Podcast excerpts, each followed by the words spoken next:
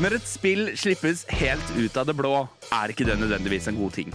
Bare tenk på alle Disney-filmene som slapp rett på VHS på 90-tallet. Det er jo ikke akkurat et kvalitetsstempel når man ikke har lyst til å stå frem og promotere produktet sitt. Og jo større de som står bak er, jo mer skeptiske blir vi.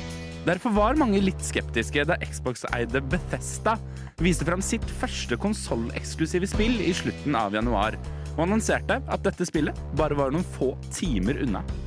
Og det ble ikke bare sett på som suspekt fordi det var en stor utgiver som sto bak.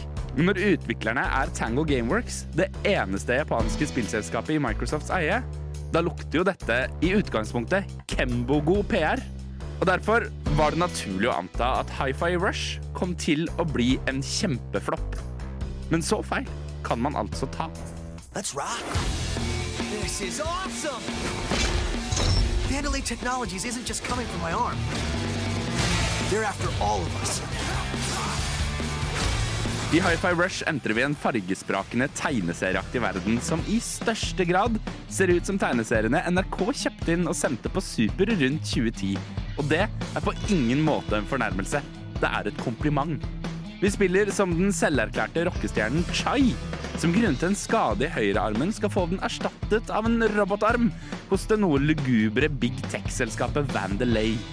Ting går ad undas i prosessen, og Chai ender opp med en MP3-spiller i brystet.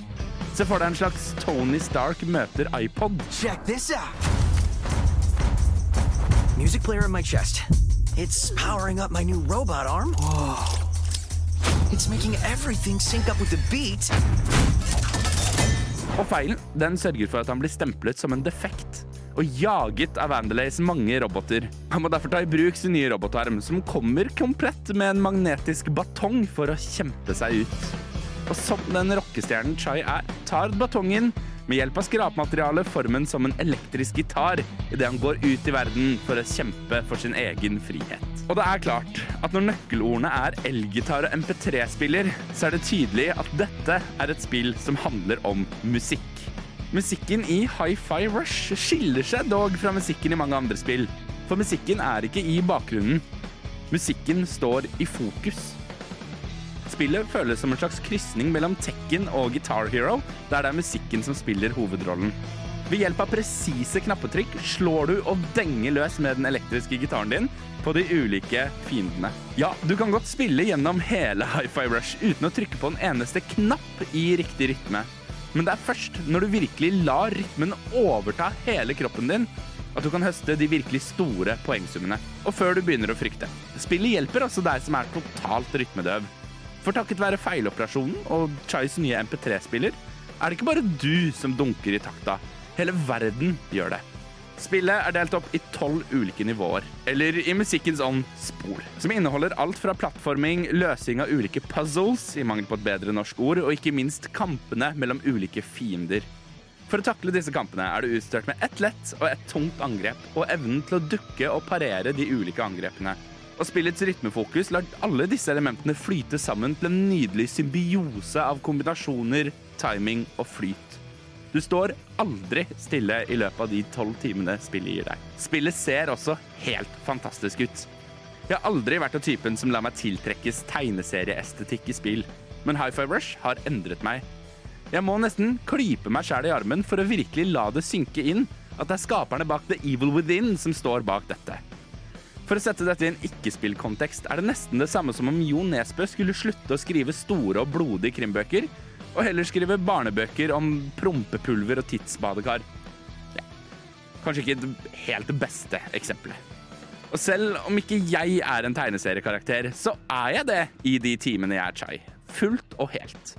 Men det er ikke bare Chai som utgjør rollegalleriet i spillet. Han får etter hvert også hjelp av den teknisk kunnskapsrike Peppermint, og sammen samler de et lag bestående av både ventede og totalt uforventede karakterer.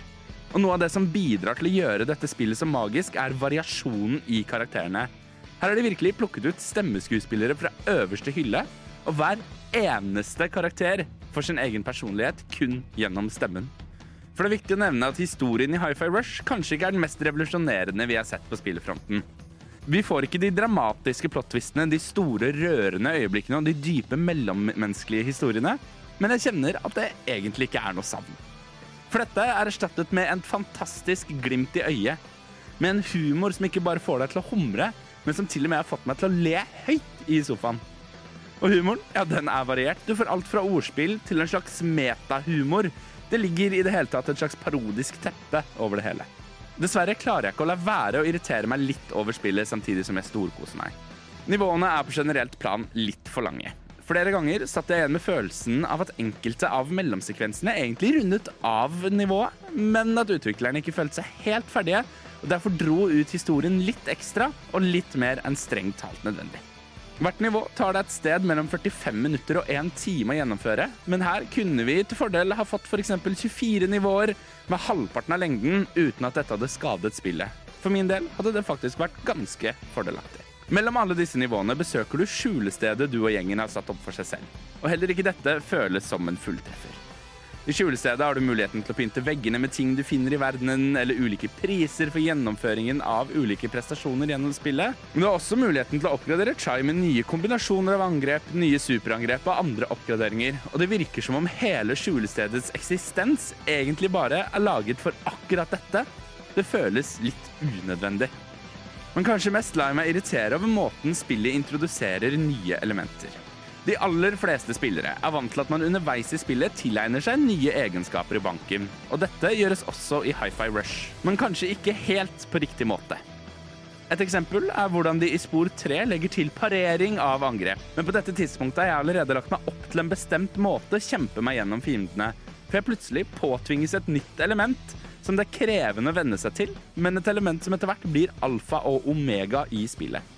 Men alt dette blir i det store og det hele mikroskopiske detaljer i det som er en fantastisk spillopplevelse, som ikke bare suger deg inn mens du sitter med kontrolleren i neven, men som også blir med deg ut i hverdagen. 2022 rundet av uten at vi egentlig hadde sett noe spesielt fra Xbox Game Studios. 2023 blir ikke et slikt år. Det kan jeg love deg allerede i årets andre måned, og det er utelukkende takket være Hi-Fi Rush. Det er i det hele tatt skremmende å se at vi allerede har fått en så sterk Game of the Year-kandidat, før de fleste av oss har rukket å venne oss til å skrive 2023 i notatboka. Og selv om Hi-Fi Rush byr på sine småirritasjoner her og der, er det uten tvil klart at dette spillet kommer til å være med i manges lister over de beste spillene vi får se i år. På Metacritic er dette spillet foreløpig rangert som det beste nye spillet i 2023, dersom vi ser bort fra ports fra gamle spill til nye plattformer. Og spillet har allerede blitt hyllet av utallige anmeldere, og denne anmelderen er intet unntak.